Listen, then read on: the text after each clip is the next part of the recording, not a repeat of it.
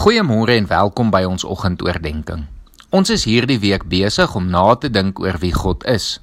Ons het in die laaste 3 oggende primêr gehoor dat God homself as Vader, Seun en Heilige Gees aan ons geopenbaar het. Alhoewel dit in 3 persone is, weet ons dit bly een God wat ons aanbid. En wanneer ons oor een van die persone praat, word die ander geïmpliseer. Want dit bly net een God. Vanoggend wil ek vir 'n oomblik hê jy moet stil word en jouself afvra: Wat is jou prentjie van God? Wie is God vir jou? Want hierdie vraag is uiteindelik die belangrikste vraag om te kan antwoord. Om vir jouself en ander te kan verwoord hoe jy God sien en hoe jy God beleef. Die Bybel is vol van beelde en metafore om vir ons te help om te verstaan wie God is.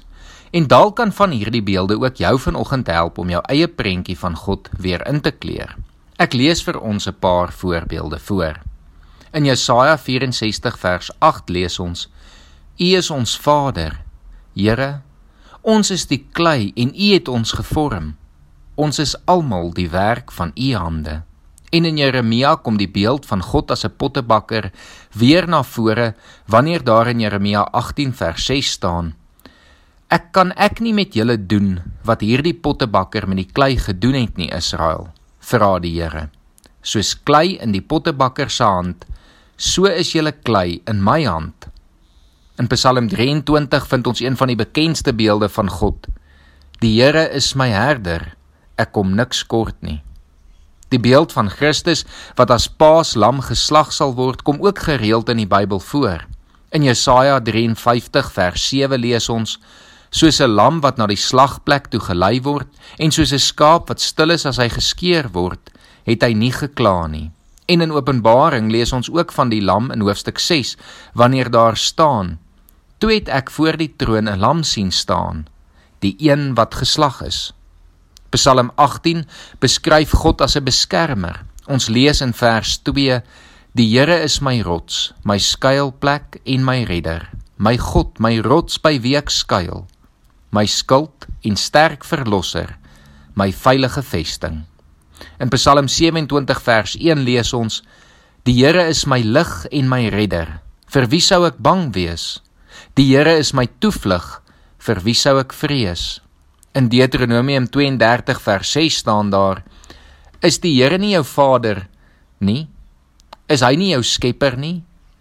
En in vers 11 soos 'n arend wat sy kleintjies uit die nes uitskop, oor hulle fladder en hulle vang op sy oop vlerke wat hy oopsprei soos 'n arend wat sy kuikens op sy vlerke dra. So het die Here julle gelei. In Psalm 131 kry ons die volgende belydenis: Ek het rus en kalmte gevind, soos 'n kindjie wat by sy moeder tevredenheid gevind het. So het ek tevredenheid gevind by U. In Matteus 23 vers 37 lees ons: Hoe dikwels wou ek jou kinders bymekaar maak, soos 'n hen haar kuikens onder haar vlerke bymekaar maak. Openbaring 5 vers 5 vergelyk weer Jesus met die leeu van Juda. In Johannes 15 vers 12 tot 15 kom sê Jesus vir ons hy is ons vriend. Ons lees ek noem julle nie meer ondergeskiktes nie. Nee, ek noem julle my vriende.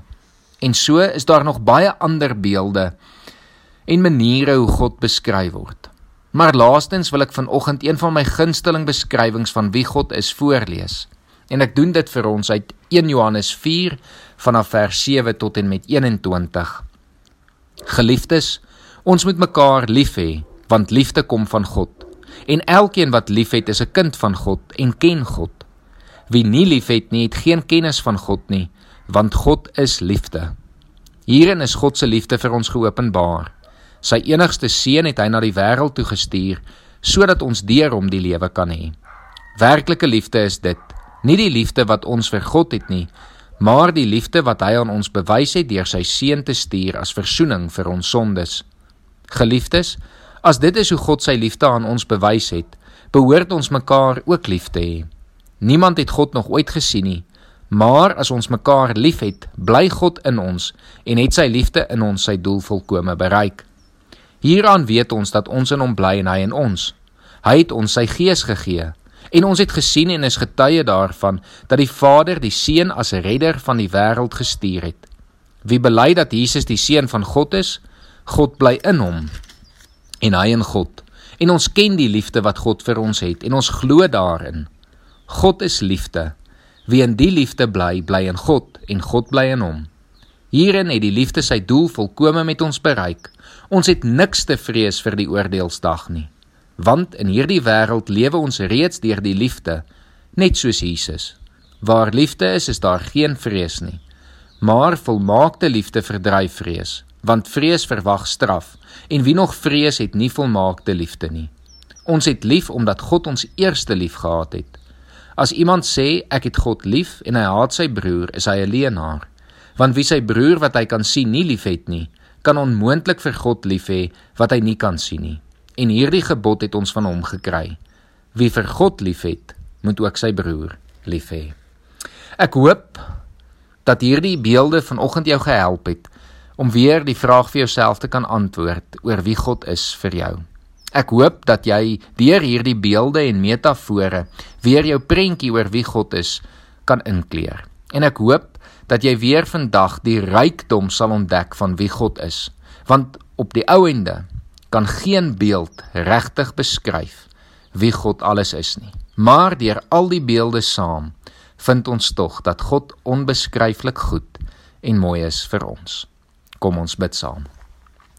Here, dankie vir al die beelde regdeur die eeue. Dat ons deur elke metafoor van elke persoon wat nog ooit met u iets te doen gehad het en u beleef het, iets van u kan ontdek. Here, ons weet elke beeld skiet op die ouene ook tog maar te kort, want u is onbeskryflik. Maar Here, dankie dat ons deur hierdie beelde en metafore tog u kan leer ken en 'n beter prentjie kan kry van wie u is. Here, dankie dat U bereid is om Uself aan ons te openbaar. Ons sien uit dit uit na die dag wat ons U van aangesig tot aangesig sal sien. Ons bid dit alles in Jesus se naam. Amen.